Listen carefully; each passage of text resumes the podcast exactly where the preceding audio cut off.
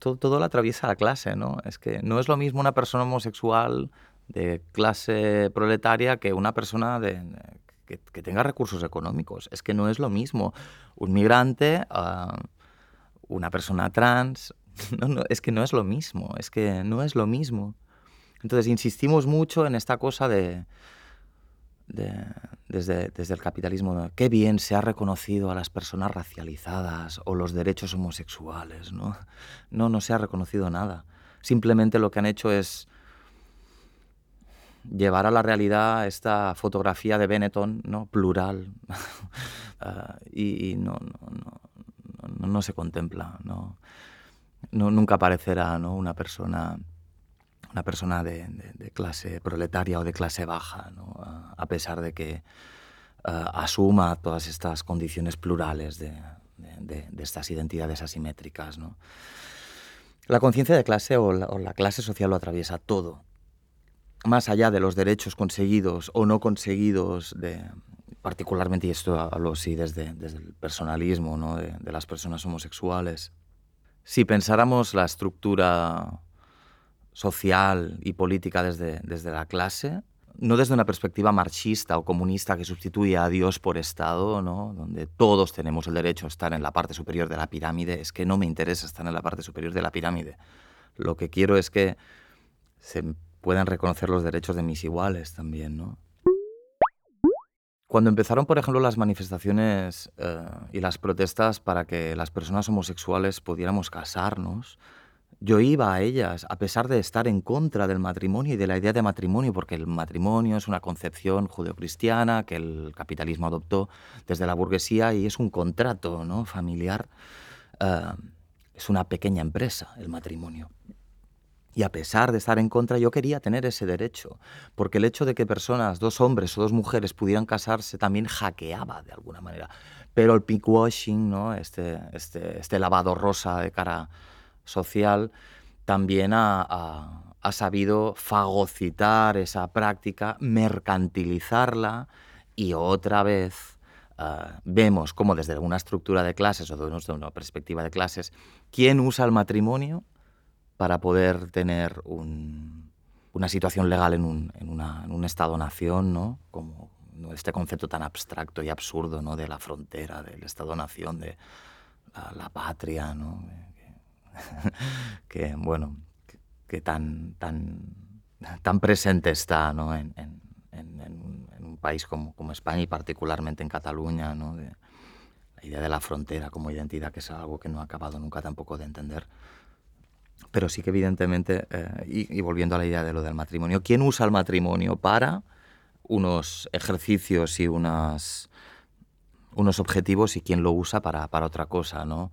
Desde la romantización o, el, o, la acción preciosa de demostrar amor, ¿no? Este, o esta idea de amor romántico que tenemos, hasta yo me caso contigo porque necesito papeles, o es que todo lo atraviesa la clase. Daniel Gasol se autodefine como hijo maricón del proletariado y trabajador cultural. Y no lo hace por provocar, que también, sino como una estrategia profundamente calibrada y consciente de poner en relieve desde el minuto cero los privilegios de clase que informan cualquier posibilidad de ser y práctica artística contemporánea. Partiendo de esa base, la disciplina es el siguiente escollo que sortea sin apenas pestañear. A través de una práctica que va de los gestos casi invisibles de piezas o acciones tan personales como trabajos forzosos, a un hacer que no separa investigación y escritura de lo objetual.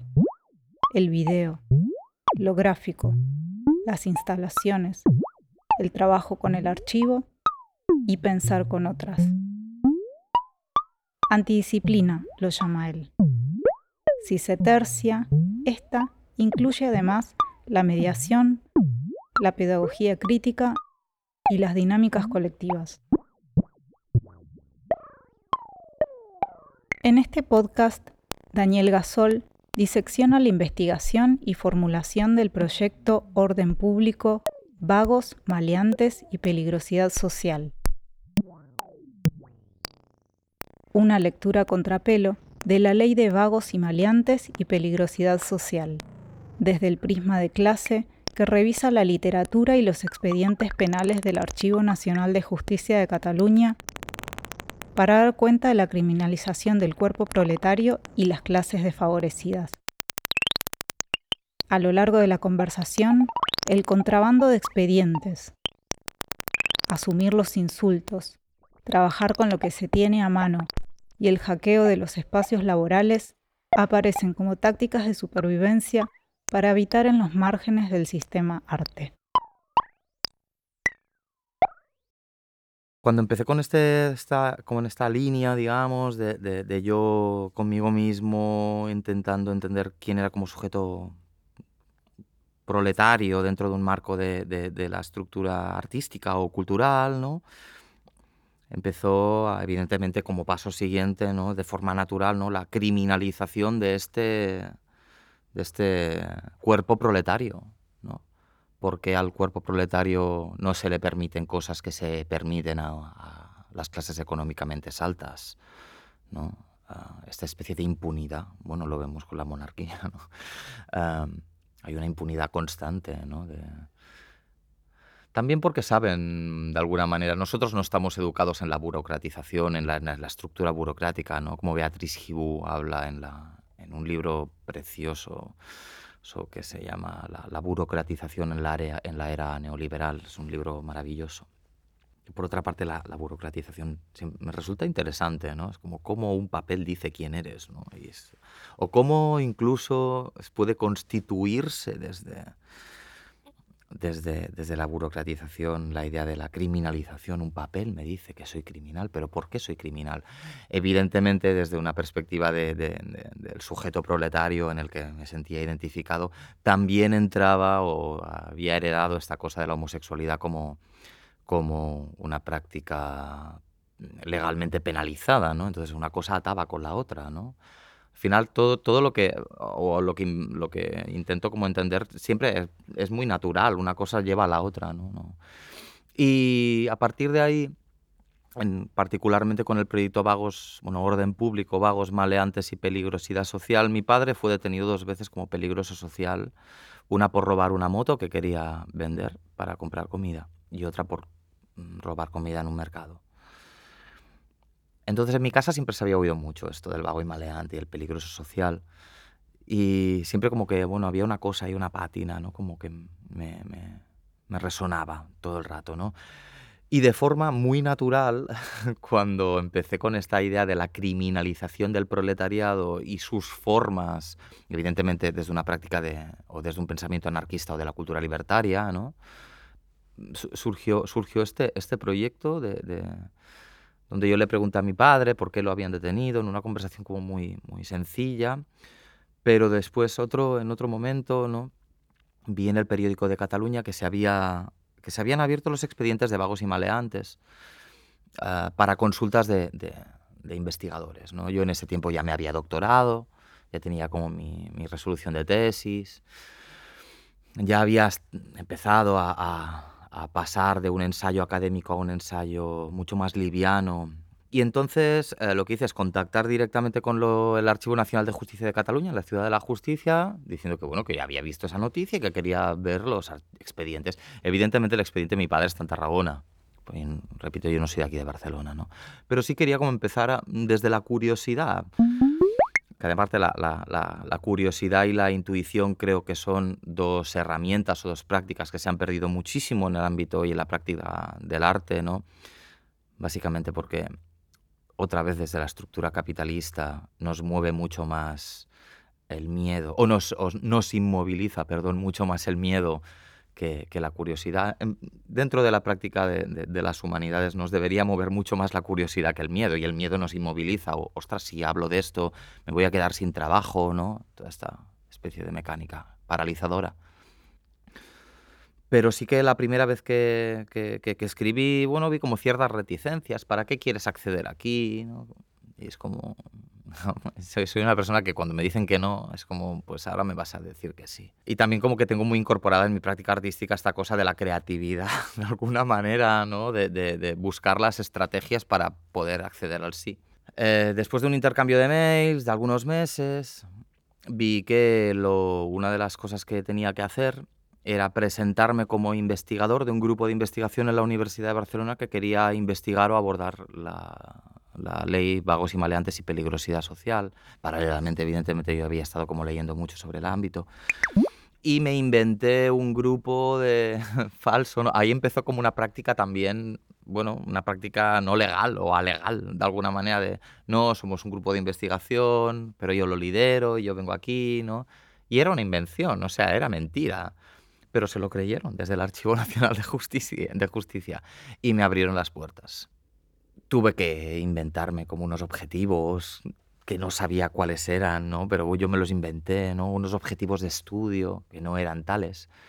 Entonces, después de las consultas, de entender la ley desde la primera mano, de con el expediente en primera mano, iba cada lunes Ah, lo pasaba, la verdad es que fue un proceso muy duro, porque ya no solo empecé a revisar o revisaba expedientes de homosexuales que me parecían como... hostia, tremendísimo, ¿no? Porque había gente que veías que por la edad aún seguía viva y dices, pero ¿cómo, cómo, cómo te, llevan a un psiquiátrico? Hostia, es que leía, es que me lo pasaba realmente bastante mal. O sea, muchas veces, muchos lunes salía como muy llorando bastante del archivo. Eh, pero bueno, después de ahí empecé como a entender que la ley no solo era particularmente para los homosexuales, que por cierto es una ley republicana, es la única ley que el, que el franquismo mantuvo y que en el 54 incluyó a, a la práctica del homosexualismo, ¿no? como ellos decían, evidentemente desde esta patina judeocristiana ¿no? De, del, sodomita. Empecé a ver expedientes de anarquistas. Evidentemente eran hombres prácticamente todo, porque era una ley evidentemente donde la redención a través del trabajo, desde esta mecánica capitalista, tan de la República, de la Segunda República y tan evidentemente franquista también desde la dictadura fascista española, después de la ocupación militar del 36. Que aquí quiero hacer un inciso, ¿no? O sea, no fue una guerra civil, fue una ocupación militar, tal cual y continuamos persistiendo en que fue una guerra civil del 36 al 39 cuando lo que estamos haciendo, enunciando esta, mm, estos datos históricos, es estamos dando legitimidad al, relato historicista de la falange. Eh, la guerra o la llamada guerra civil o la ocupación militar duró hasta el año 60 y algo con los maquis y las maquis en las montañas con esa resistencia, pero sí que durante los expedientes me tocaban muy de cerca, muy, muy, muy de cerca, bueno, porque eran relatos muy duros, la verdad. Y muy también desde este cientificismo, ¿no? estos, estos eh, informes médicos ¿no? en los que se hablaba de, en algunos incluso se hablaba del gen rojo de Nájera, de este, esta persona débil mental, ¿no? rojo, Hostia, esto me, me, perturbaba mucho, porque era un relato, eh, no es un relato hace 100 es que es muy reciente, ¿no? De hecho, la ley de peligrosidad social, que se empezó en el 70 y que sustituyó la ley de vagos y maleantes por presiones de Europa, se derogó definitivamente en el 95. O sea, es una ley reciente. Yo cuando me, me enteré de eso, ¿no? Fue como, hostia, qué fuerte, porque yo ya decía que me gustaban los niños, yo no decía que era gay, pero ya era en sí mismo, desde una perspectiva legal, era un criminal. O sea, ¿cómo, cómo, cómo es posible, no? Pero sí que durante las consultas de los expedientes, donde yo lo único que hacía era tomar notas e intentar procesar todo eso, y paralelamente me obsesioné mucho también con, con, esa, con esa ley y esa estructura de clase donde a través del trabajo te redimías al Estado y estos campos de concentración que creó la Segunda República y que después el franquismo aumentó, ¿no? donde al trabajo al Estado y además después de la ocupación militar era muy revelador como debía reconstruirse un país que los propios fascistas habían destruido y se hacía a través de la mano de obra esclava como redención al trabajo porque con el sedor de tu frente eh, te ganarás el pan. ¿no? Y esto es una estructura judeocristiana que replica la Segunda República, que replica la dictadura fascista y que lo replican todas las estructuras gubernamentales, sean rojas, lilas, me, me da igual. O sea, la estructura de clase y del trabajo y de la redención del trabajo como deber moral al Estado desde una perspectiva del fascismo español estaba muy clara ahí, ¿no? Y desde la Segunda República no tanto desde la moralidad, pero sí desde el deber. Por tanto, al final daba igual. Em, no quiero hacer una crítica a la Segunda República, no quiero hacer una crítica a la dictadura fascista española, sino lo que quería hacer era poner sobre la mesa que había una estructura donde el trabajo o a través del trabajo de las personas pobres que no podían pagar esas multas se, se desarrollaba la legislación. Por tanto, la legislación no es igual para todos, y esto ya lo sabemos todas y todos, pero mm, bueno, nos hemos contentado con eso. Entonces hubo un momento en el que sí que había cierta información en la que era un poco complejo extraer, ¿no? Y hubo un día en que lo vi muy claro. A mí me gusta también trabajar mucho desde la intuición y dije, ostras, pues ya sé qué es lo que tengo que hacer, ¿no? Si no, si la información que se puede extraer del Archivo Nacional de Justicia es sesgada, lo único que tengo que hacer es como con una forma poco ortodoxa y continuando con estas fórmulas poco ortodoxas, de, incluso en el acceso al archivo, replicar gráficamente, no lo hice yo, lo hizo un diseñador gráfico con el que trabajo hace años, replicar gráficamente todos estos expedientes, desde las fotos hasta el material y evidentemente anónimo. Incluso es muy curioso porque desde el Archivo Nacional de Justicia me decían, tenemos que hacer anónimo las personas expedientadas, pero también los policías y los jueces.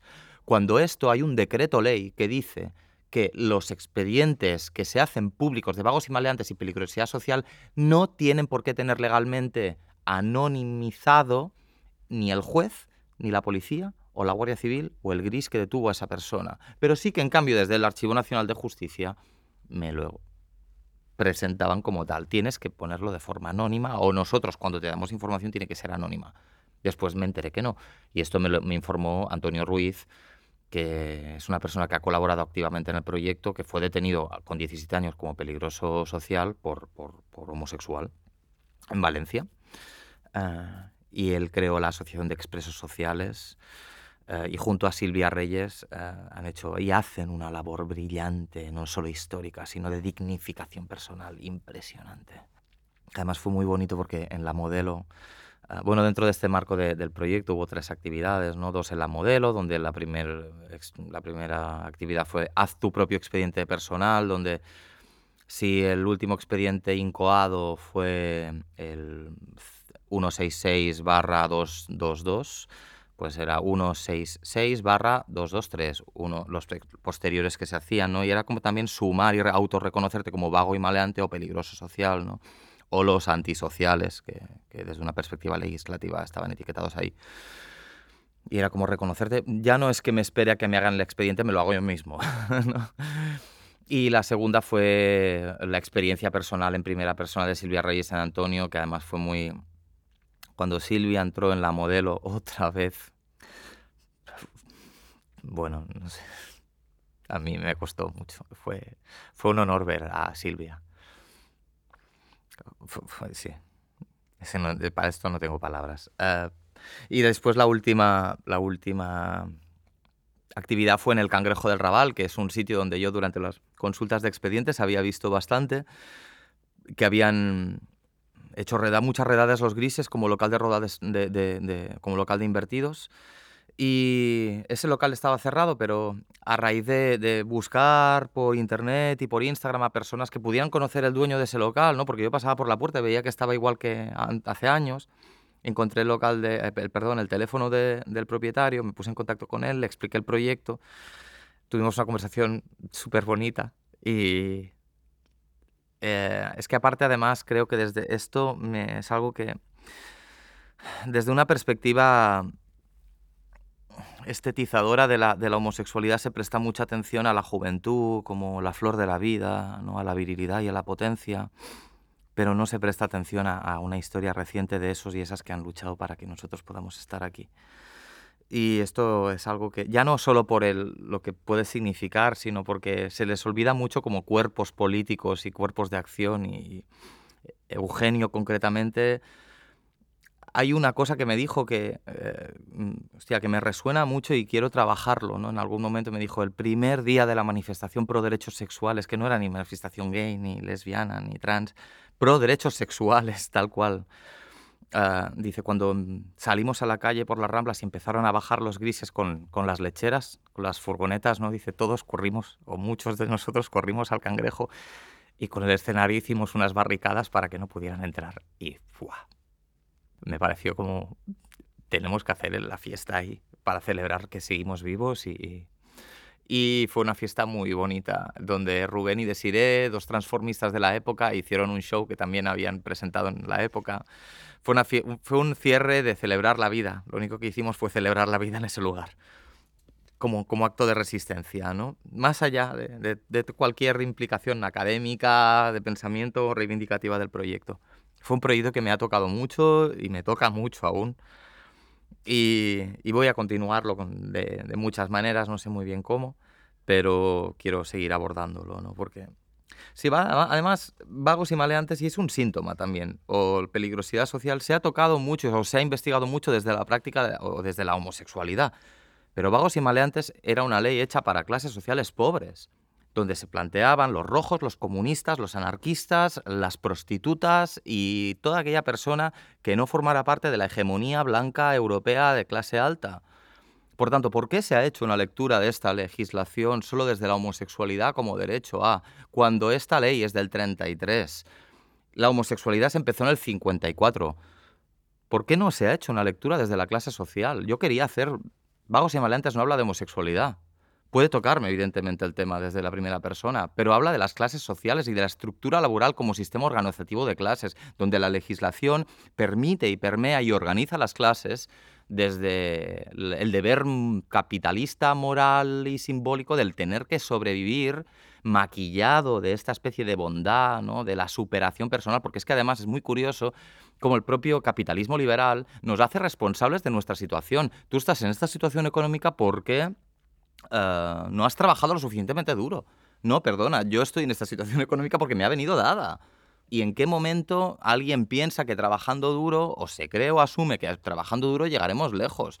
En ningún momento. Y la propia criminalización de las prácticas del extraperlo, de la prostitución, ¿no? Ah, que evidentemente... Incluso esto es muy curioso porque el franquismo penalizó mucho más esas prácticas... Perdona, la Segunda República penalizó mucho más esas prácticas que el propio franquismo, que lo veía como un mal menor o necesario. De hecho, incluso se permitió durante. Eh, cuando Estados Unidos empezó a, usar los puertos españoles, ¿no? Eh, para combatir eh, el, eje, el eje comunista, ¿no? el propio Franco hay en algunos momentos en el que dice que las prostitutas son necesarias para los marines de Estados Unidos, ¿no? cuando desde una perspectiva moralista de la República las prostitutas Ah, se veían como personas ah, que no se respetaban a sí mismo o a sí mismas. Y sí que debe hacerse, yo, pretendía que se hiciera la lectura del proyecto de orden público, pagos maleantes y peligrosidad social, tenía que ser desde la clase social y desde asumir el trabajo como una estructura vigente y contemporánea de organización de clases.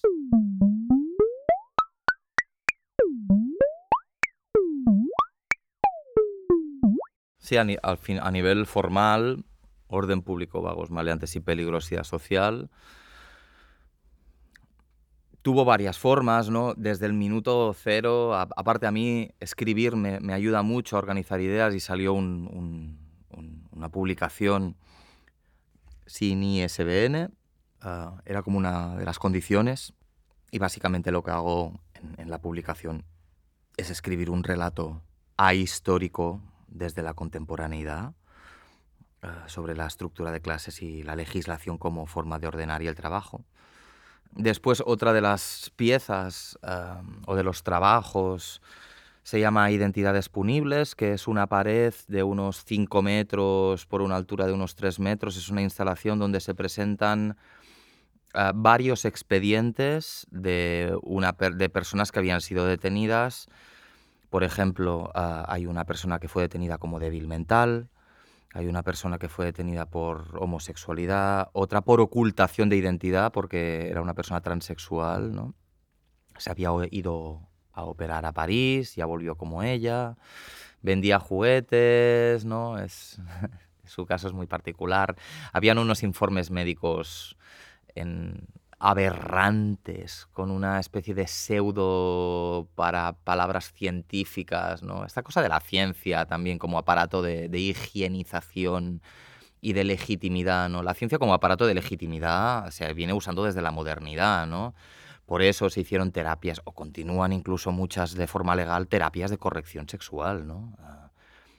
La ciencia ha sido un gran aparato instrumentalizador para criminalizar a sociedades. Y en Vagos y Maleantes y Peligrosidad Social se ve claro, ¿no? Donde el médico dictaminaba. De hecho, es curioso porque en, esta, en este trabajo de identidades punibles, en esta instalación, hay uno de los pocos expedientes de mujeres entendidas desde la biología, ah, donde la detuvieron por ejercer la prostitución en el barrio de Atarazanas, en el distrito quinto, lo que actualmente es el Raval. Y la detuvieron un grupo de, bueno, una pareja de guardias civiles y le pegaron una paliza porque no quería declarar. Y cuando llegó el médico dictaminó que era sordomuda y que no podía declarar por eso y la metieron en un psiquiátrico. Otro de los trabajos fue eh, una, es una mesa, tiene unos dos metros de largo, que son una serie de libros, que hay la primera publicación de la ley republicana del 33 y va pasando por diferentes libros, libros de forma cronológica, libros de Vallejo Nájera, hablando del gen rojo, antes de que te cases, qué debe ser una mujer, qué debe ser un hombre, gamberros, vagos y maleantes, homosexuales, gamberros, vagos y maleantes, que es un clásico de Antonio Sabater, que Antonio Sabater fue el juez que mm, juzgó a Silvia Reyes precisamente. Hay muchos libros, ¿no? incluso hay libros mm, bastante contemporáneos, hay una... Ah, hay dos libritos ah, del año 82 de la Policía Nacional en el que expone cómo reconocer a un vago y a un maleante. Hay un libro que es maravilloso de Antonio Sabater, que se llama Peligrosos Sociales, donde te hace unas fichas técnicas sobre qué significa que es una persona antisocial, cómo reconocer a un hippie, porque Dixit vende baratijas, hace artesanía, va con pantalones de campanas y de campana y lleva el pelo largo, cómo reconocer a un homosexual. O sea, es un libro interesantísimo. Son una serie de libros y están ah, tapados o cubiertos con un metacrilato donde hay unos informes clínicos de todas esas personas que aparecen. Por tanto, tú para ver el libro tienes que, de alguna manera me gusta ese juego de la semitransparencia, ¿no? Y están apoyados en un, en un espejo donde tú cuando miras medio te ves deformado y ves el texto, ¿no? Ese juego me interesa mucho del verte y el no verte. Y es con ese trabajo que se llama Literatura para una producción nacional, se llama particularmente ese trabajo. Eh, lo que quiero iniciar es un grupo de lectura de todos, esos de todos esos libros, que son libros muy interesantes y muy contemporáneos, porque además leyéndolos ves que sigue estando el ADN o la, práctica sistémica del capitalismo en ese, en ese reconocimiento criminal y criminalización de los llamados sujetos peligrosos. Después hay otro que es, son, son como una especie de, de, lápidas, ¿no? que son seis, seis, trabajos rectangulares donde son grabados sobre metal seis documentos de al juzgado de homosexuales, desde vagos y maleantes hasta peligrosos sociales. La primera práctica que inicié en este proyecto, más allá de la publicación, fue hacer mi propio expediente personal, y después hay un trabajo que es una entrevista a Antonio, la primera entrevista que hice a Antonio, que es una entrevista, bueno, bastante reveladora. Todo el, trabajo, yo además eh, cuando trabajo como... Necesito que la propia práctica también tenga coherencia con, el, con, la, con la propia práctica conceptualización del trabajo. Y yo nunca trabajo o no he solido trabajar con las manos y durante dos años sí que estuve trabajando y elaborando estos trabajos de forma muy manual, cortando madera, pintando y trabajando evidentemente mucho con materiales industriales y de, la y de obra, digamos, eh, de lo que se puede entender como obras, porque quería de alguna forma hacer un guiño a esa redención a través del trabajo para elaborar algo. Por tanto, todo el trabajo o toda la formalización ha pasado por mis manos, he aprendido a hacer cemento, a hacer eh, concreto, ¿no? Y todo tiene esta, esta, cosa de la industrialidad, ¿no? Y del pasado por, la, por mis propias manos como ejercicio. Y básicamente también hay como, el, evidentemente todo tiene como un, color así como industrial, las cadenas, la madera, pero sí que se inserta mm, de forma cromática en dos tonos, básicamente que uno es el azul Prusia. El azul Prusia es el propio azul de los monos de los trabajadores. Es un color, además, muy interesante porque su propia nominalidad indica su origen. Eh, uno de los primeros ejércitos contemporáneos que usaron el color azul Prusia fue el ejército prusiano donde después estos monos de trabajo del ejército prusiano son adoptados durante la revolución industrial por, el, grupo proletario, ¿no? como monos fuertes y de trabajo. Por tanto, hay una herencia militar ahí, ¿no? aparte, estos monos de trabajo que se les llaman mamelucos, ¿no? y los mamelucos eran esclavos eh, de los ejércitos de, de. Bueno, hay una cierta relación ahí entre no solo el propio color como ente disciplinar, militar y esclavista y orden y organizador social, sino que me interesaba también jugar con él dentro de la expo. Y ahí el color flúor, porque es un color muy contemporáneo donde todos los trabajadores, particularmente de las obras, llevan los monos flúor, ¿no? Entonces son muy, muy identificativo, ves esos dos colores, ¿no? Y era una de, de las cosas que creía a nivel cromático, ¿no? Em, las actividades también forman parte de la, formalización, pero sí que es verdad que es un proyecto que ha tenido un inicio, no sé cuándo tendrá fin, pero sí que una de las vías que me interesa seguir es crear este, este grupo de, lectura de, libros eh, legislativamente hablando legitimados, ¿no? que constituyen la idea del criminal o del peligroso social y leerlo desde la contemporaneidad. Sí, dentro de esta formalización del, trabajo y también pretendía mm, hacer una mirada histórica. También hay un, hay un vídeo que es un que lo grabé precisamente con esta cámara VHS, donde yo lo que hago es buscar a siete personas ah, que cumplen con el, el, perfil de vago y maleante o peligroso social desde la contemporaneidad para evidenciar o poner sobre la mesa que no han habido cambios. ¿no? Entonces, un peligroso social o uno de los artículos de las leyes de vagos y maleantes y peligrosidad social, que no cambiaron prácticamente, de orden un poquito, ¿no? Es el extranjero sin papeles, no sé qué, por tanto yo hago, busco un extranjero sin papeles. las personas que ocultaron su nombre, no sé qué, pues busco una persona transexual que no esté reconocida legalmente en su DNI. Entonces, ah, que ella concretamente ejerce la prostitución. Ah, una, en el caso del extranjero, por ejemplo, busqué un chico que trabaja para Globo, ¿no? que hace de dealer.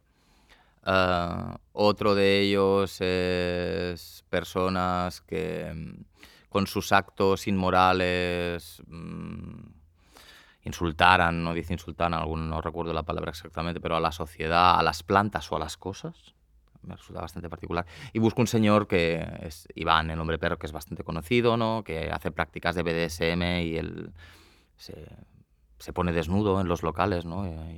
Bueno, eso es una, una, historia, pero bueno, básicamente lo que hago es buscar a siete personas que cumplen con el, con el perfil de vago y maleante o peligroso social para poner eh, o mirar desde la contemporaneidad que la ley sigue. La ley no es vigente, se ha deformado, se ha introducido en otros términos, muchos de ellos eh, en, unas, en legislaciones del Ministerio de Trabajo, para limpiar esta patina de la, del orden social y de la moralidad nacional católica del franquismo. Pero continúan vigentes muchas leyes. O sea, sigue siendo penalizado una persona que no tiene DNI. Sigo siendo una penalizado una persona que ejerce la prostitución sigue siendo penalizada una persona que ah, va desnuda por la calle, sigue siendo penalizada una persona que mendiga en la calle, sigue siendo penalizada todas las prácticas de vagos y maleantes. ¿Siguen, siguen ahí? Entonces, eh, es un vídeo de una hora de duración donde lo único que hago es introducir tres clips de minuto y medio cada uno, o dos minutos aproximadamente. El primer clip es un publi reportaje de la República donde habla de vagos y maleantes, ¿no? de, el primer vídeo de la República, que dura como un minuto y medio, no habla como de la integración del sujeto porque es vago ¿no? y no ha tenido la, la vida, no le ha dado la oportunidad de ser una persona de provecho. ¿no? Entonces, la República que está crea esta especie de campos de concentración, que eran campos de trabajo, para enseñarles un oficio, hacer trabajo hacia el Estado. Después, otro public reportaje en el Nodo, ah, donde ya de forma mucho más clara se oye una voz en off ¿no? que dice estos parias indignos, rojos, eh, que devolverán a la patria todo ese mal que han hecho, ¿no? Cuando Los, eh, el bando republicano mató a unas 50.000 personas aproximadamente. Entre ellos unos 6.000 eran curas eh, y el bando nacional mató a más de 170.000 personas. ¿no? Los dos bandos mataron por igual. Pues no, porque aparte con el ejército Condor, ayudado desde el nazismo, eh, evidentemente tenían muchas más herramientas para eliminar y aniquilar o higienizar a toda esa población que no le importaba ¿no? Al, franquismo.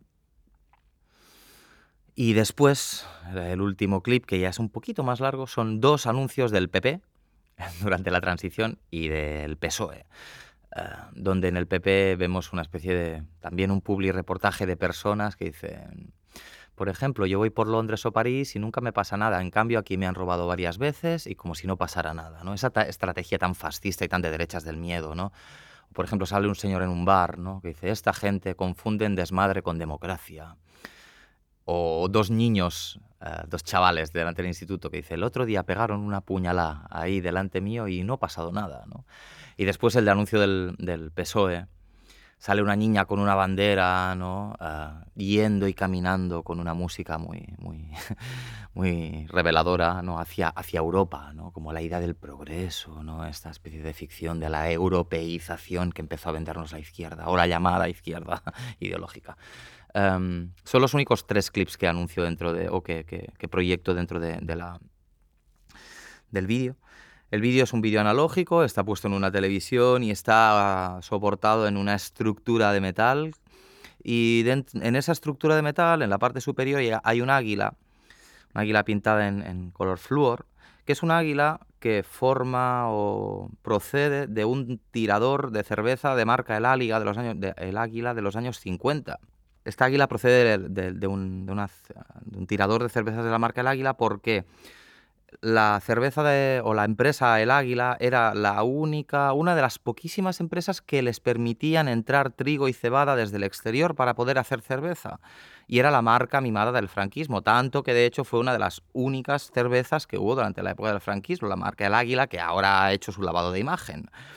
Y Manuel Fraga fue director de esa cervecera durante hasta el día de su muerte.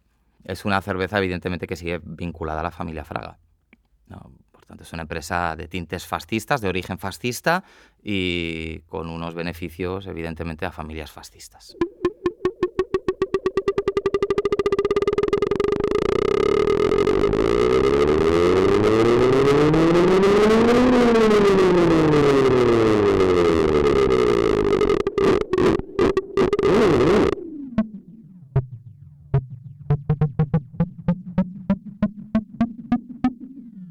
Cuando empecé la, lo que era antes licenciatura en Bellas Artes en la Universidad de, de Barcelona, esta cosa de la etiqueta como, como artista particularmente me pesaba bastante. Y me pesaba bastante por la, por la siguiente razón.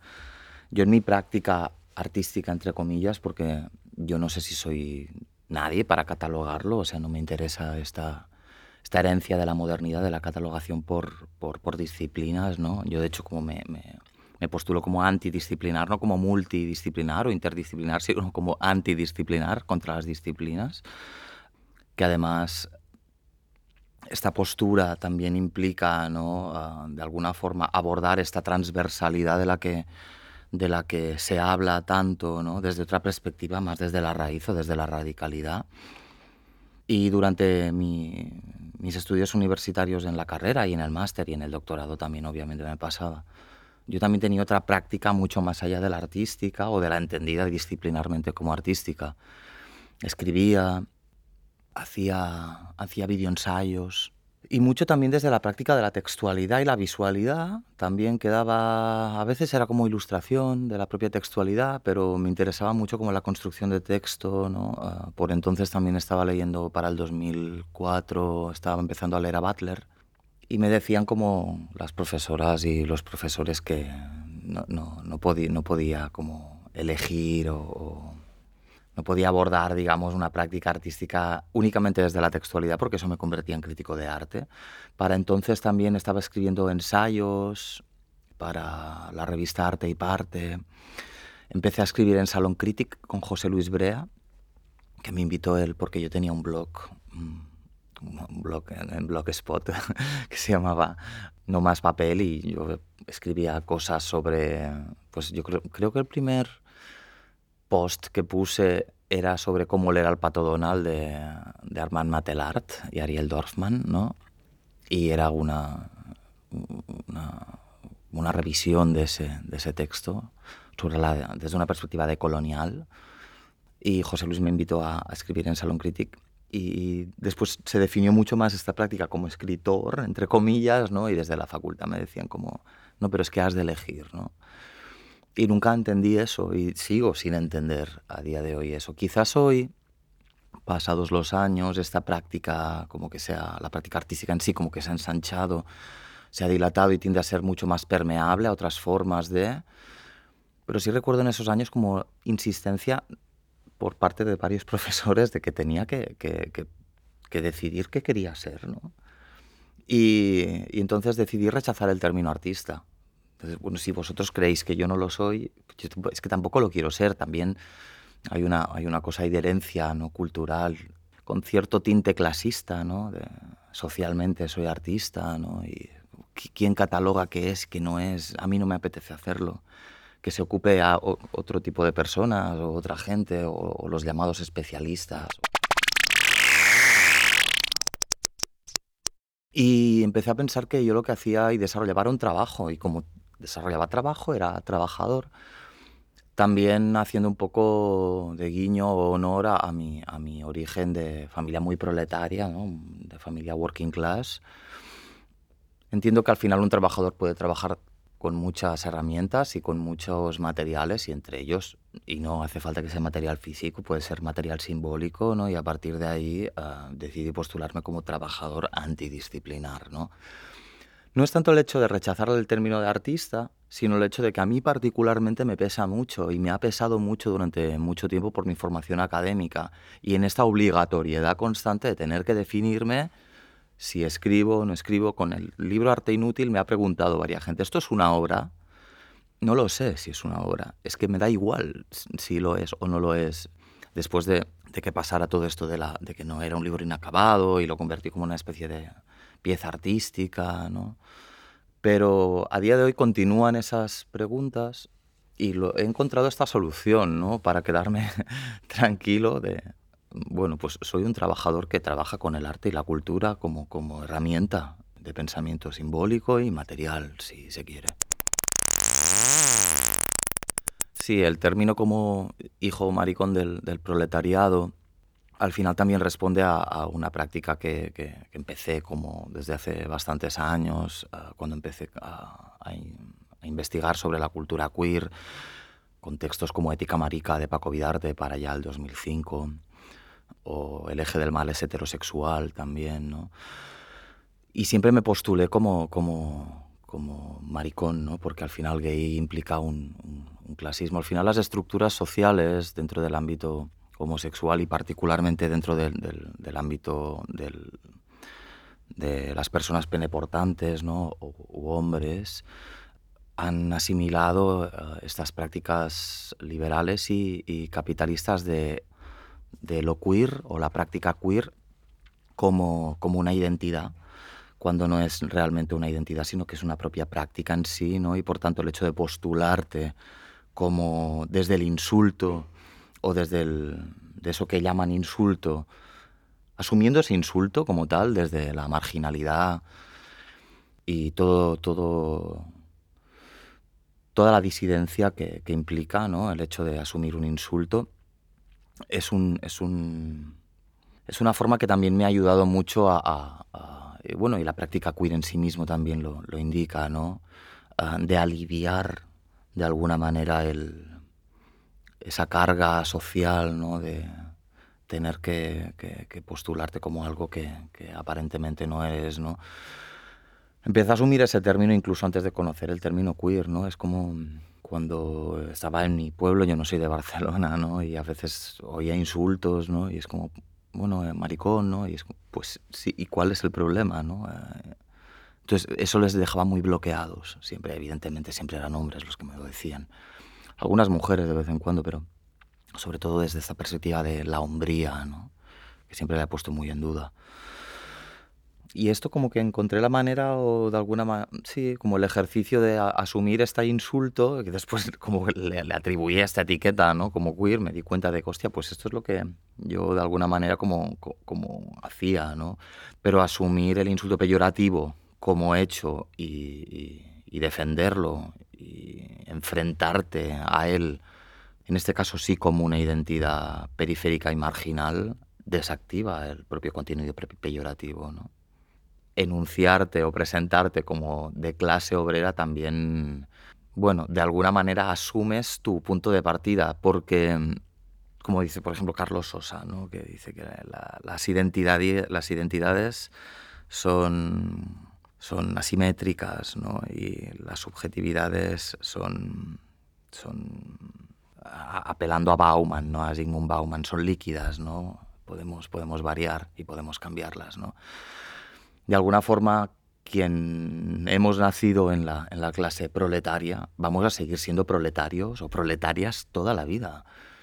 Y también de alguna forma el enunciarme como hijo del proletariado mmm, rechaza esta práctica que además el propio capitalismo, no solo el cognitivo, sino el capitalismo como método pluralizador de, escenas y de discursos y de crítica, sigue estableciendo esta, pirámide vertical. ¿no? Es como, sí que quizás desde estos últimos años ha ensanchado un poco más eh, la parte superior de la pirámide, incluyendo otras identidades que mm, lavan la imagen clasista, ¿no? como una persona racializada, una persona homosexual, ¿no? una persona trans, pero de alguna manera siempre estamos, o presenta, el capitalismo presenta, esta estructura de querer todo el rato escalar arriba porque yo tengo el derecho.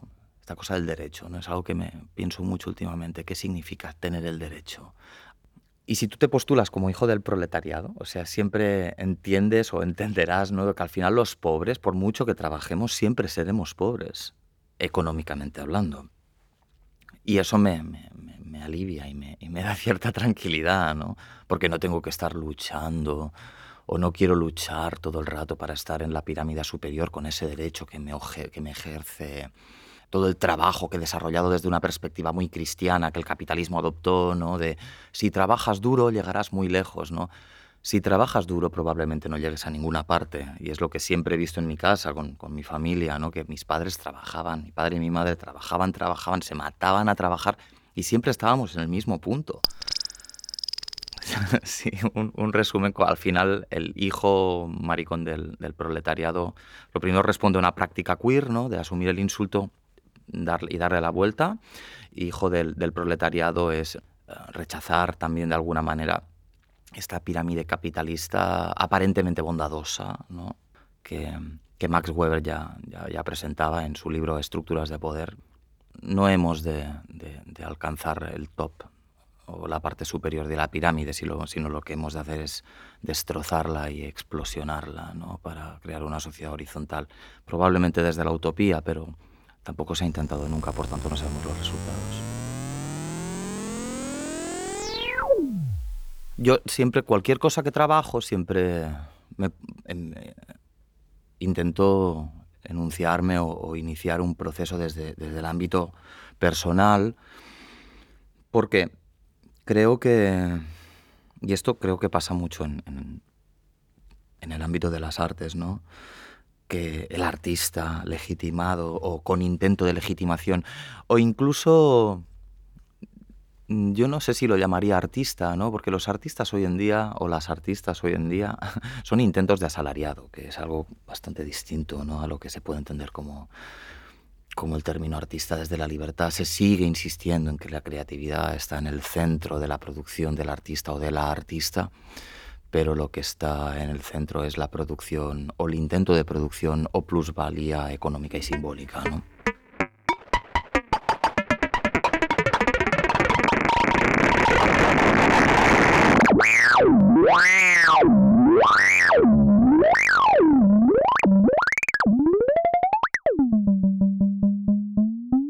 A ver, mm, la relación entre, entre conocimiento y economía no, no, es nueva, ¿no?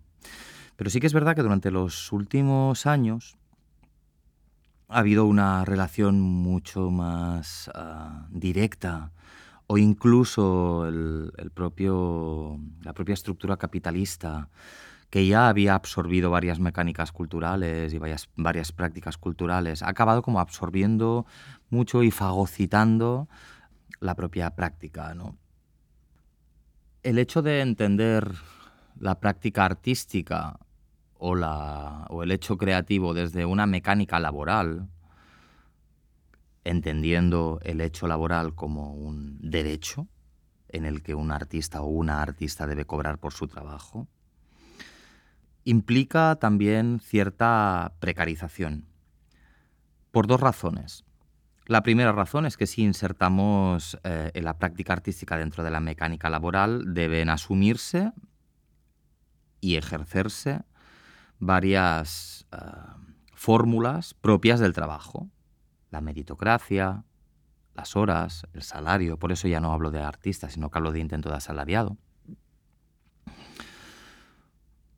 La permanencia de ese trabajo, la exhibición, la legitimidad del cubo blanco, varias fórmulas para poder permanecer en esa mecánica y estructura laboral, cosa que desde o hecho se ha celebrado desde, desde el ámbito cultural, ¿no? como el derecho laboral del artista, pero no hemos, o yo no he visto muchas veces qué implica eso.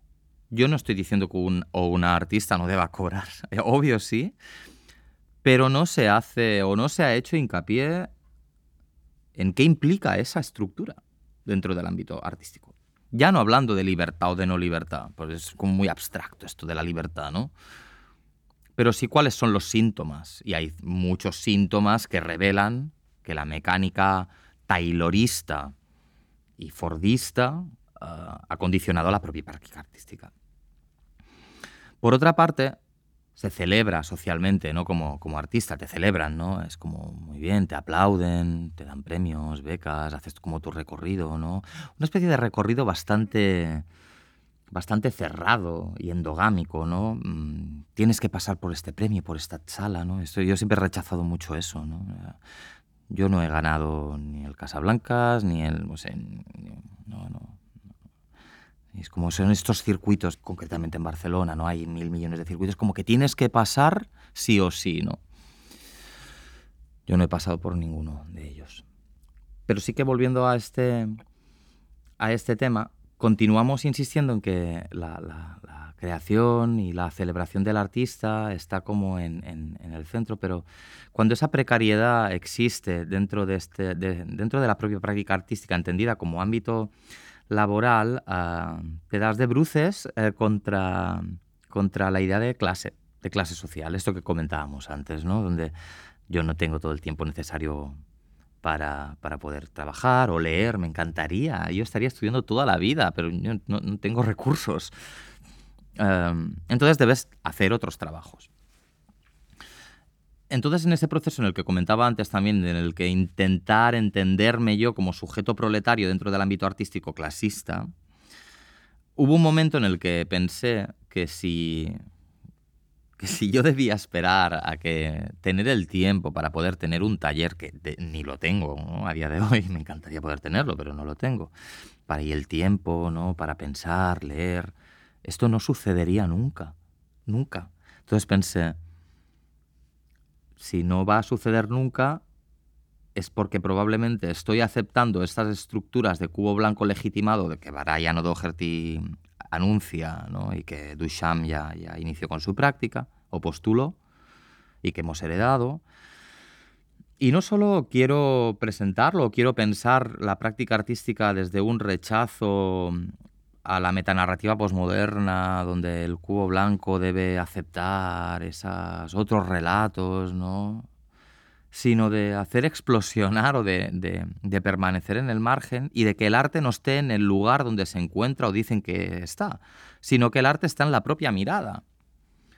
Y a partir de ese propio postulado, eh, empecé a, desarrollar como estos trabajos forzosos dentro de mis espacios de ámbito laboral, donde hay cosas tan, tan sencillas como trabajar en un lugar donde... He trabajado en un restaurante sin contrato, evidentemente, donde todas las personas estábamos sin contratos, exceptuando las hijas del jefe y alguna persona más. Entonces había mucha rivalidad, a ver a quién llamaban, a quién no llamaban, ¿no? Y nos ponían cada semana más presión y más presión. ¿no? En vez de 10 mesas vas a hacer 12. Y ahora te tienes que lavar los platos. Y, ahora, y claro, si tú no aceptabas eso es vete a casa. Pero tú necesitabas el dinero.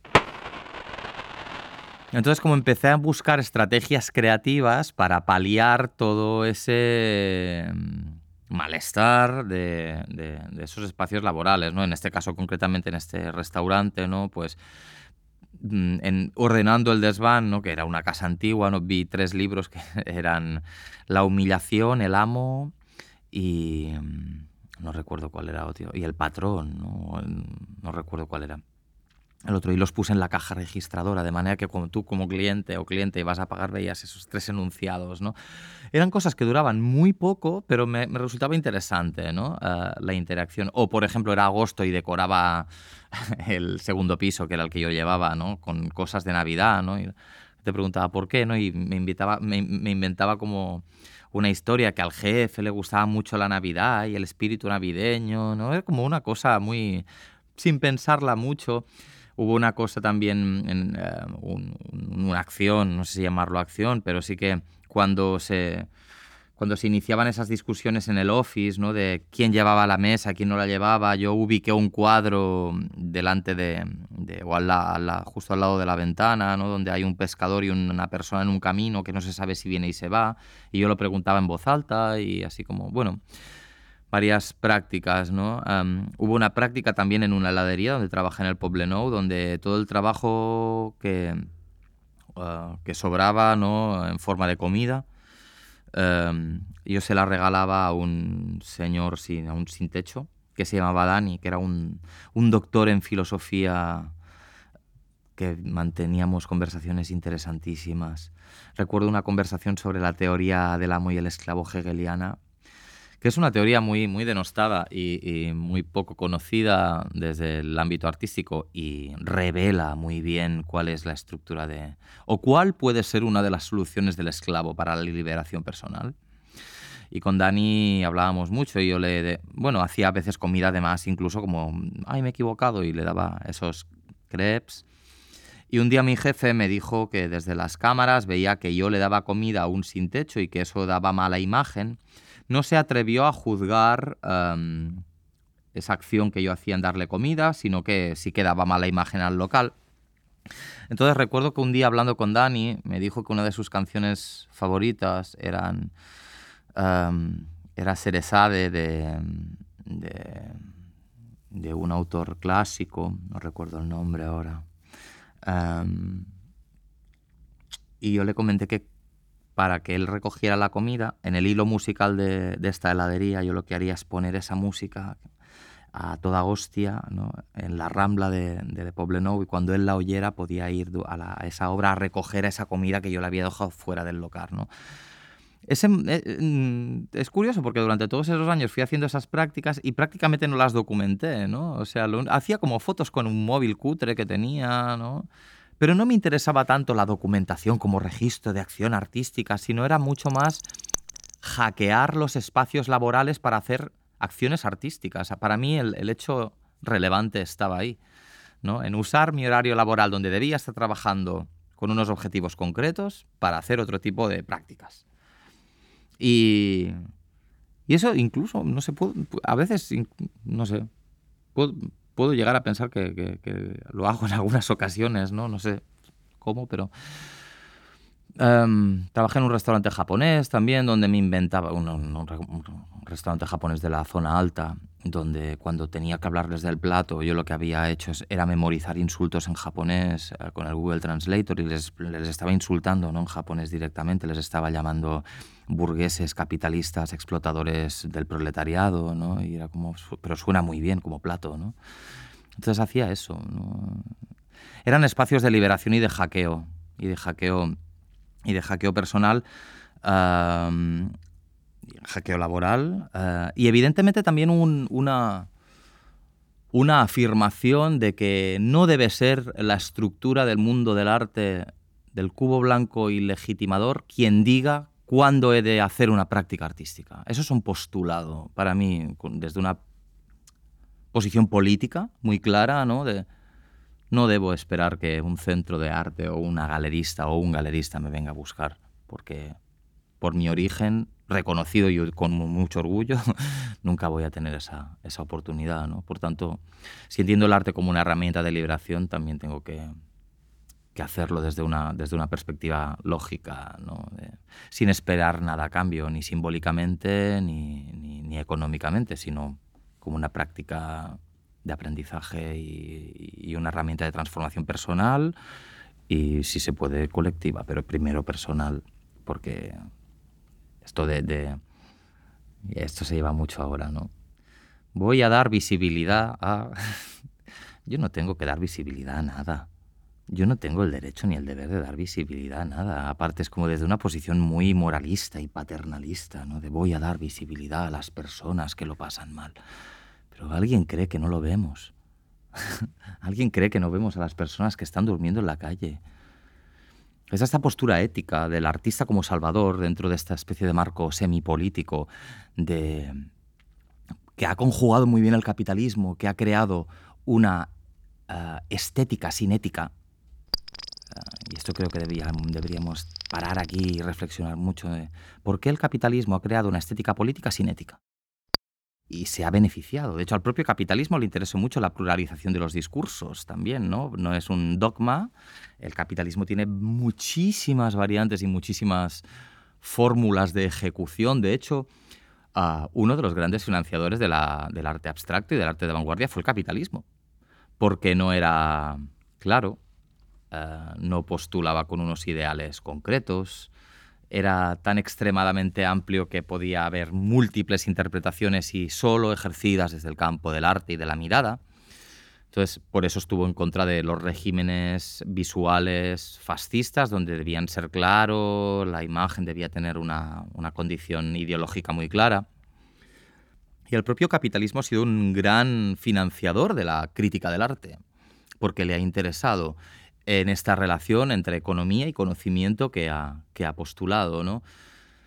Que desde el sector del ámbito artístico, entendido como trabajadores del ámbito artístico, se entienda solo a las personas que hacen arte y que acepten condiciones de precarización para alcanzar esa zanahoria constante que el capitalismo nos dice que vas a conseguir si trabajas duro y que es mentira y falsa, hemos de, hemos de hacer un ejercicio de erradicación muy fuerte.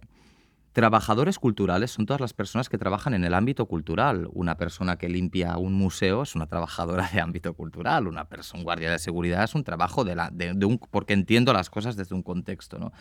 De hecho, en una de las entrevistas que me hicieron para el libro de Arte Inútil, yo hay un proyecto que quiero desarrollar y, y, y, mira, aprovechando que estoy aquí, no había pensado en decirlo, pero a mí me encantaría en, y es un proyecto utópico, pero me molaría poder hacerlo, a ver qué pasaba. ¿no?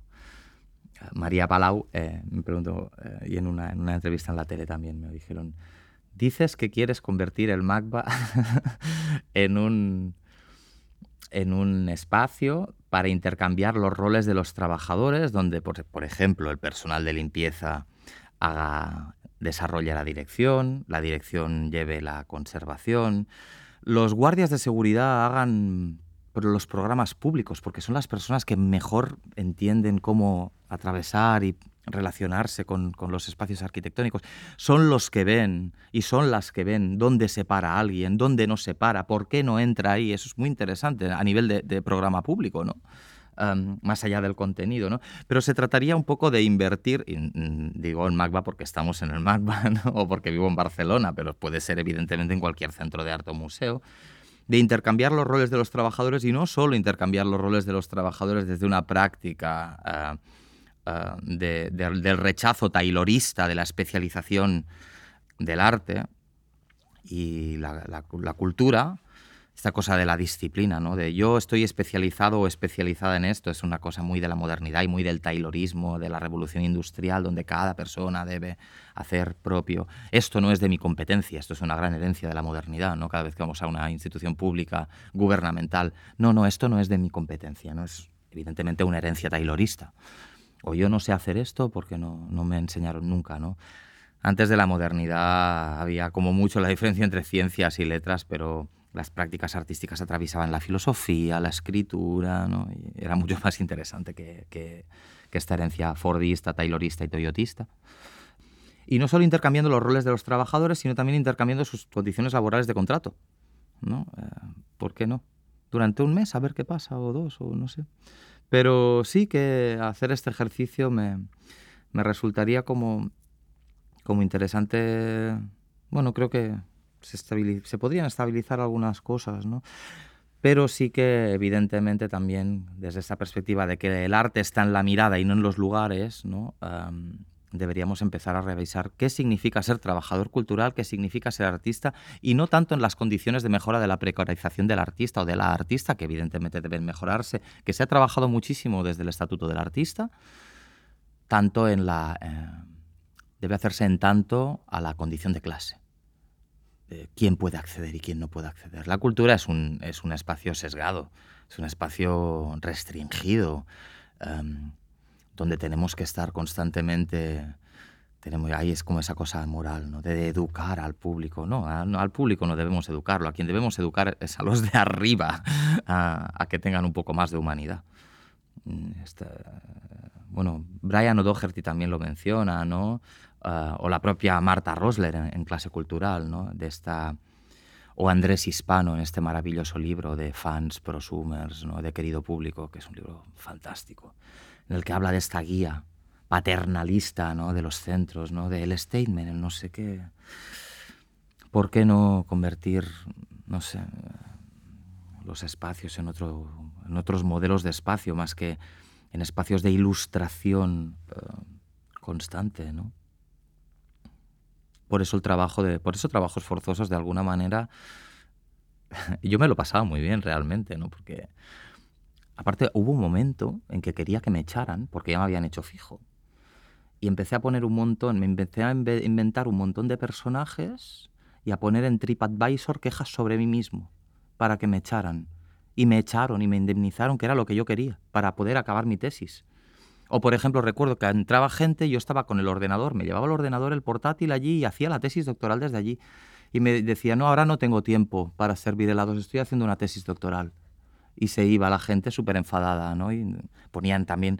Cuando vi que no había, muchas críticas, ya me las inventaba yo. Bueno, era gamberrismo puro, ¿no? Pero era interesante cómo, cómo, cómo se podían hackear esos espacios laborales desde acciones muy sencillas y no grandilocuentes, ¿no? Yo me lo pasaba muy bien, la verdad. Pero creo que estas prácticas que se, quizás se postulan desde esa cosa de, que, probablemente desde fuera del ámbito artístico se entenderían como delitos, pero dentro del ámbito artístico es algo que debemos seguir conservando, ¿no? Es que es artista, ¿no? Ah, o lo hace desde la práctica artística donde todo es permitido, ¿no? Eso es, algo que no debemos perder y que se está perdiendo mucho. Uh, en, qué, elementos legales debemos, debemos, eh, debemos ajustarnos como trabajadores culturales o como artistas. Em, nos hace falta un poco más de gamberrismo, nos hace falta, porque podemos hacerlo y lo debemos hacer.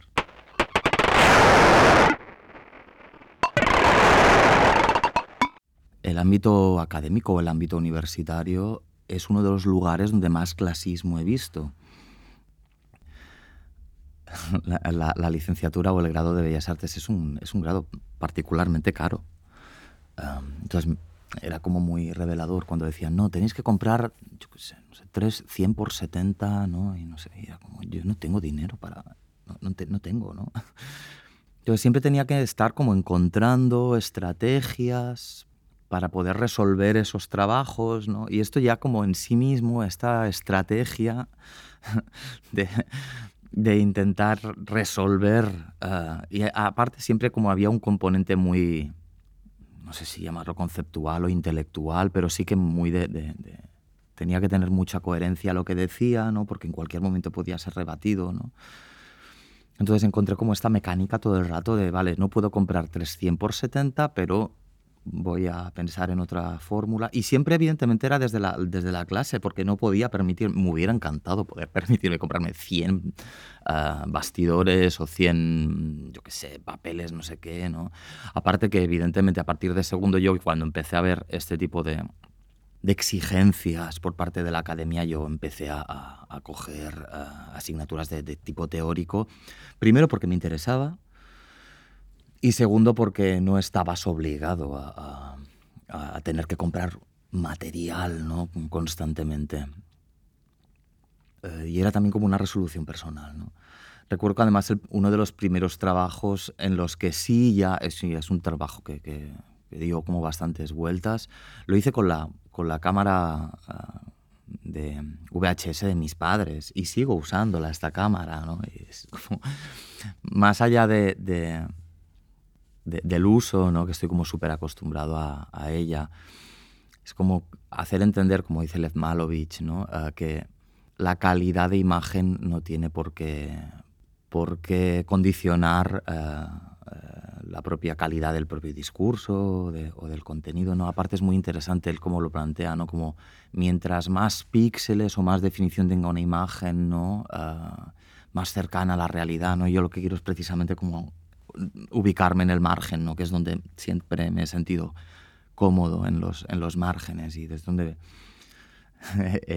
he aprendido a encontrar mi, mi lugar. ¿no? Ahí no me, no me, interesa mucho estar en el, en el centro. Y el, el primer vídeo, que es cuando yo tenía esta especie de conflictos también pseudoacadémicos, incluso personales, ¿no? De qué estoy haciendo, estoy escribiendo, pero entonces soy escritor, no lo soy, pero también hago vídeo o no. Básicamente lo que hice en el primer trabajo, y ahí fue donde empezó como yo creo que una conciencia de clase fuerte, es bueno, quiero hacer una resolución de un trabajo, todo el mundo está trabajando con super mega cámaras, ¿no? Eh, yo puedo ir al, al Media Lab ¿no? que había, ¿no? pero es como una lista inmensa. Yo no sé usar estas cámaras y es que tampoco me interesa usarlas. Y la única que sabía usar, que ya había usado anteriormente, porque cuando mis padres compraron esta cámara fue en la época de las vacas gordas, ¿no? de, durante la época del Partido Popular, ¿no? mi padre tenía mucho trabajo ¿no? y es como cambiaron el sofá, el coche, ¿no? y esto también me pareció como muy revelador. Y en este primer trabajo que desarrollé en, en tercero de carrera que se llama Estas canciones me hacen desarrollar mis interfaces primarias. Es un vídeo donde yo lo que hago es estar bailando y comentando unas canciones del disco más de Alejandro Sanz, que ese año fue el más vendido, y mi, mi padre, perdón, se lo regaló a mi madre por Navidad. Uh, porque también, evidentemente, dentro de estas compras compraron una mini cadena. Entonces empezó, pasamos de la cinta de cassette al CD, cuando el CD estaba ya súper mega democratizado, ¿no? Yo no podía tampoco como compartir, pero tampoco estoy como, no quiero que se entienda esto desde el victimismo, estoy hablando como de una situación personal, ya está, ¿eh? no, no, es como, no quiero postular, ni me interesa, ni mucho menos, pero sí que me veía que mis colegas ¿no? de la clase se cambiaban CDs y yo no tenía lugar donde poner un CD.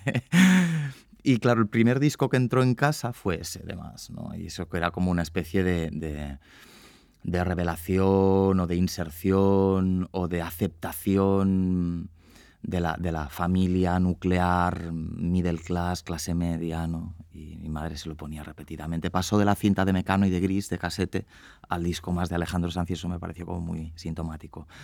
Entonces lo único que hice es coger esa cámara con todo el simbolismo que, que, que, aportaba, ponerme delante y comentar esas canciones, que me las sabía de memoria porque mi madre no paraba de poner ese disco. Y entonces lo que iba a hacer, eh, haciendo es comentando las canciones eh, románticas ¿no? de, Alejandro Sanz desde una perspectiva del cinismo, eh, planteándome como una especie de adolescente eterno. ¿no?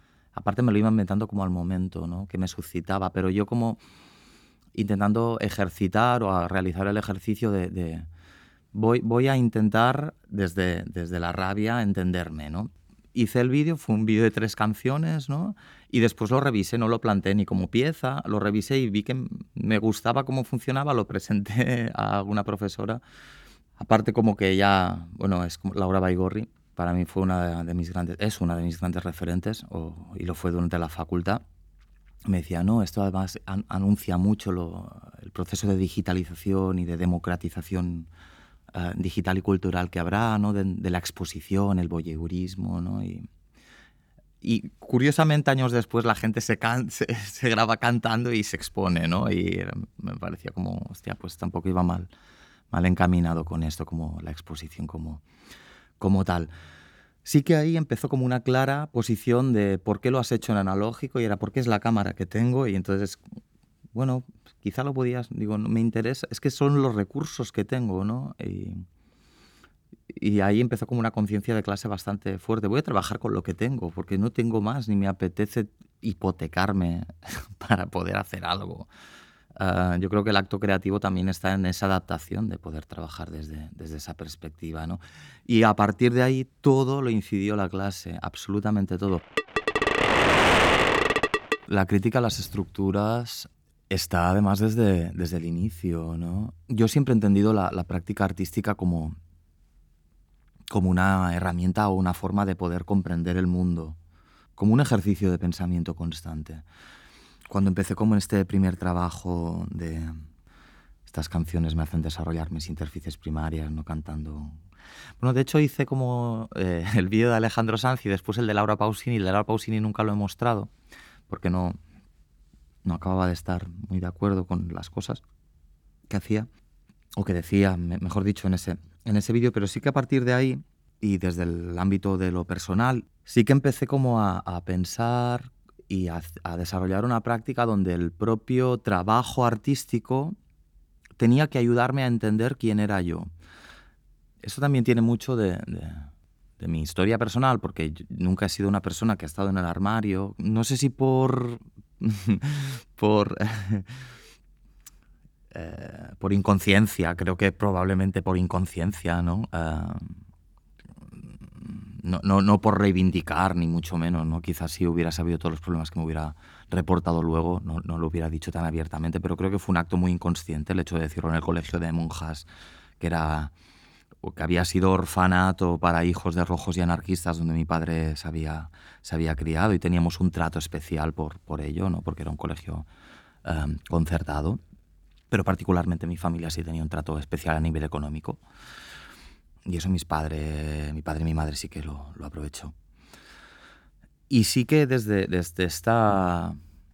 Es que no es que fue salida del armario porque nunca estuve, ¿no? Pero sí desde este reconocimiento de que me gustaba un niño de clase, ¿no? Ah, de la clase. Em, vi que... Vi que yo no podía, y aparte como lo asumí bastante, bastante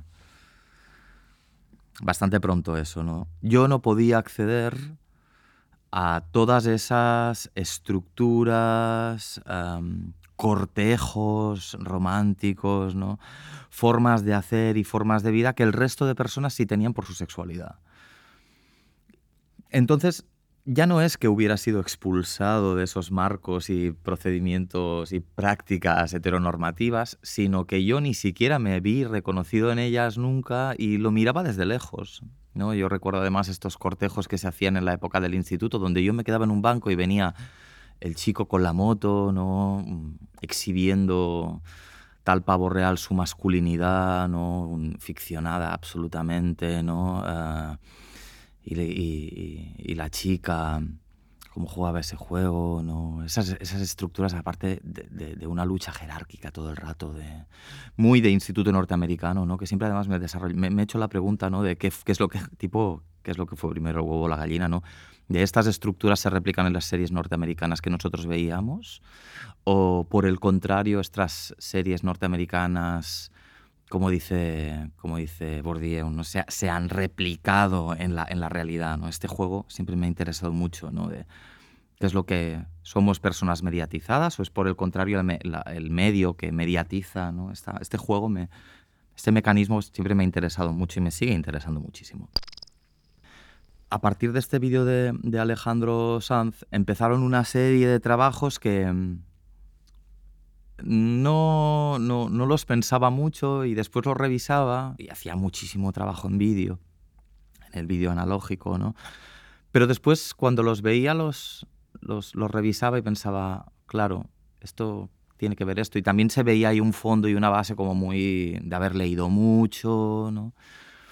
Y hay vídeos como uno que, es, que, que, dura 50 segundos, creo, aproximadamente, un minuto aproximadamente, que eh, fue una de las, yo creo que fue la primera, sí, creo que no, fue la primera venta de Artelecu que, que quiso comprarme ese vídeo, como me compró ese vídeo, que se llama Confusiones, donde una chica está en, en, en, una terraza y le grita a un helicóptero, deja en paz a mi familia, ¿no? Eh, y al final sale un titular de, esta chica pasó cinco horas vigilando este helicóptero, pensó que era Dios.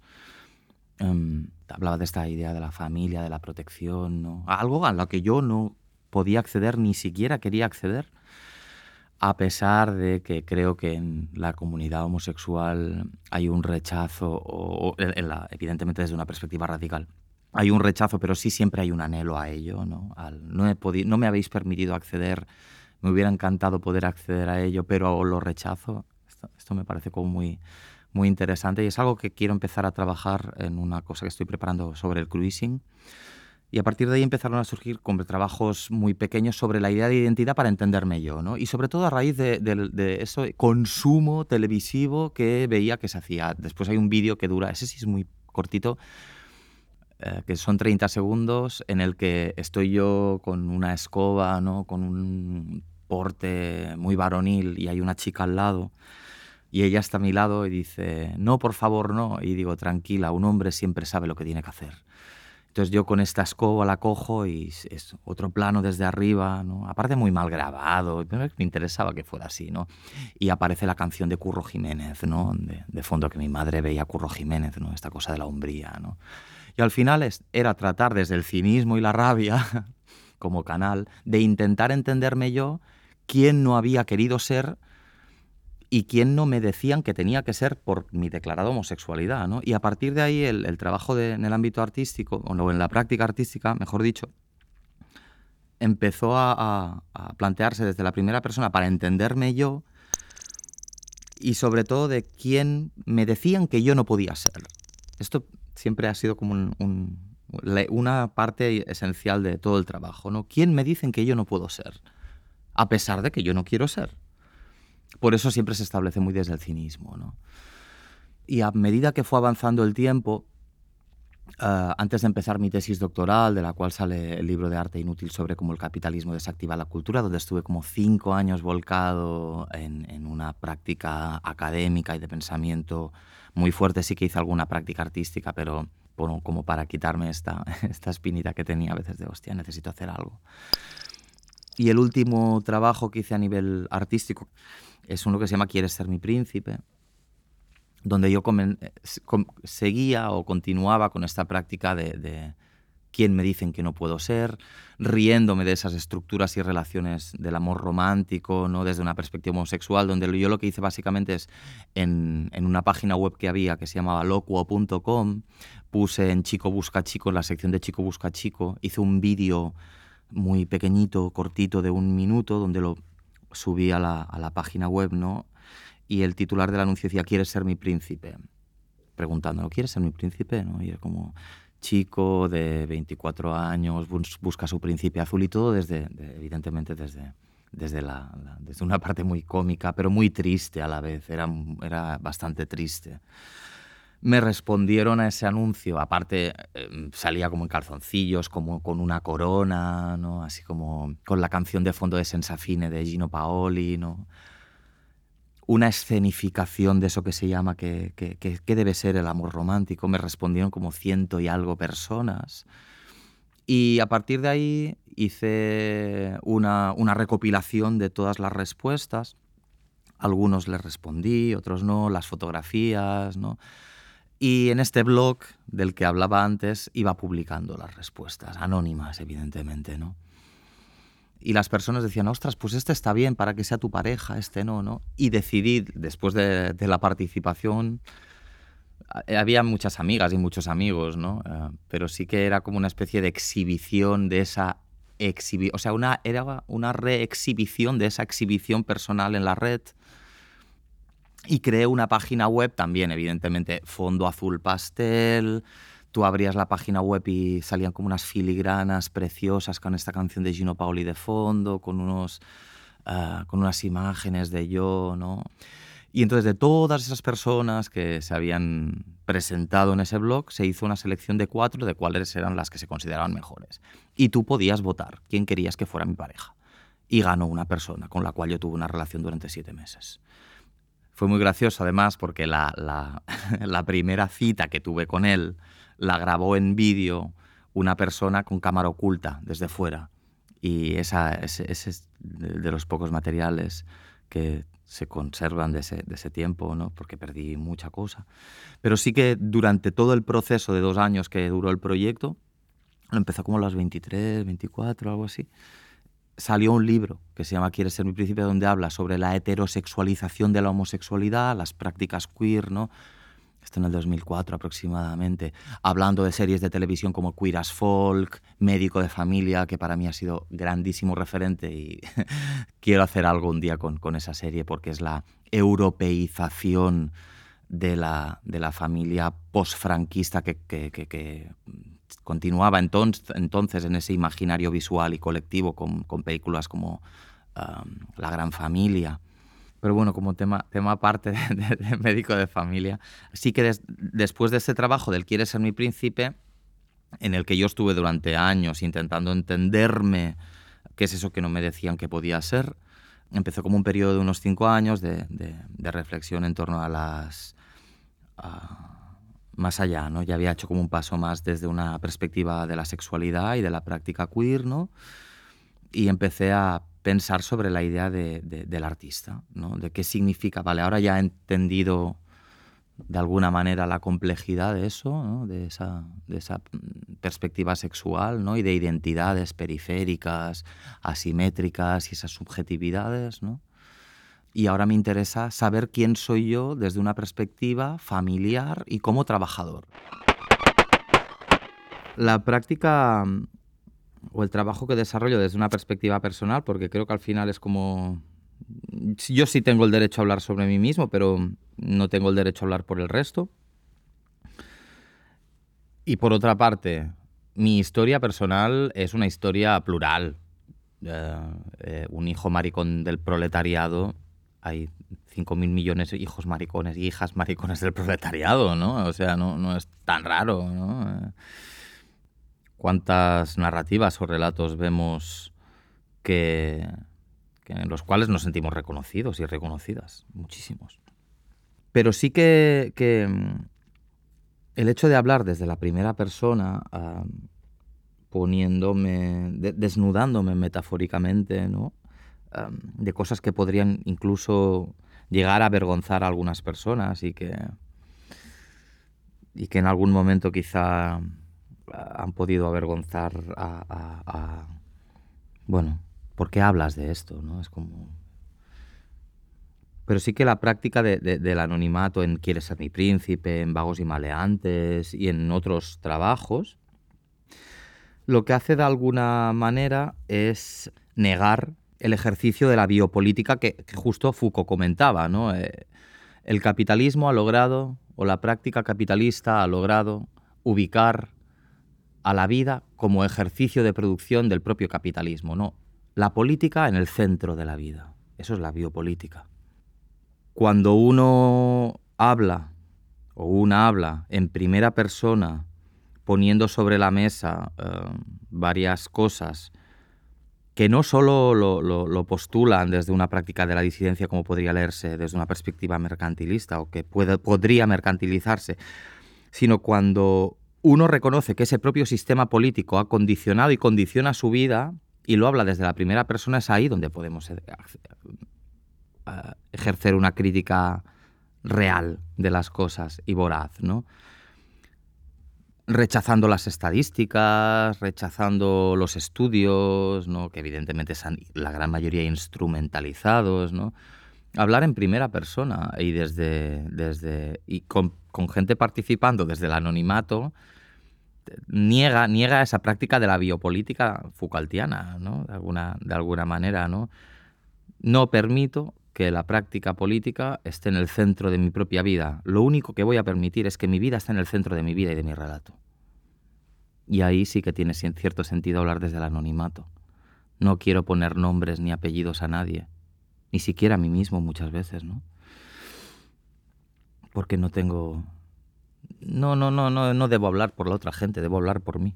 Y sobre todo mi historia es común a muchas personas y las historias de muchas personas son comunes a mí.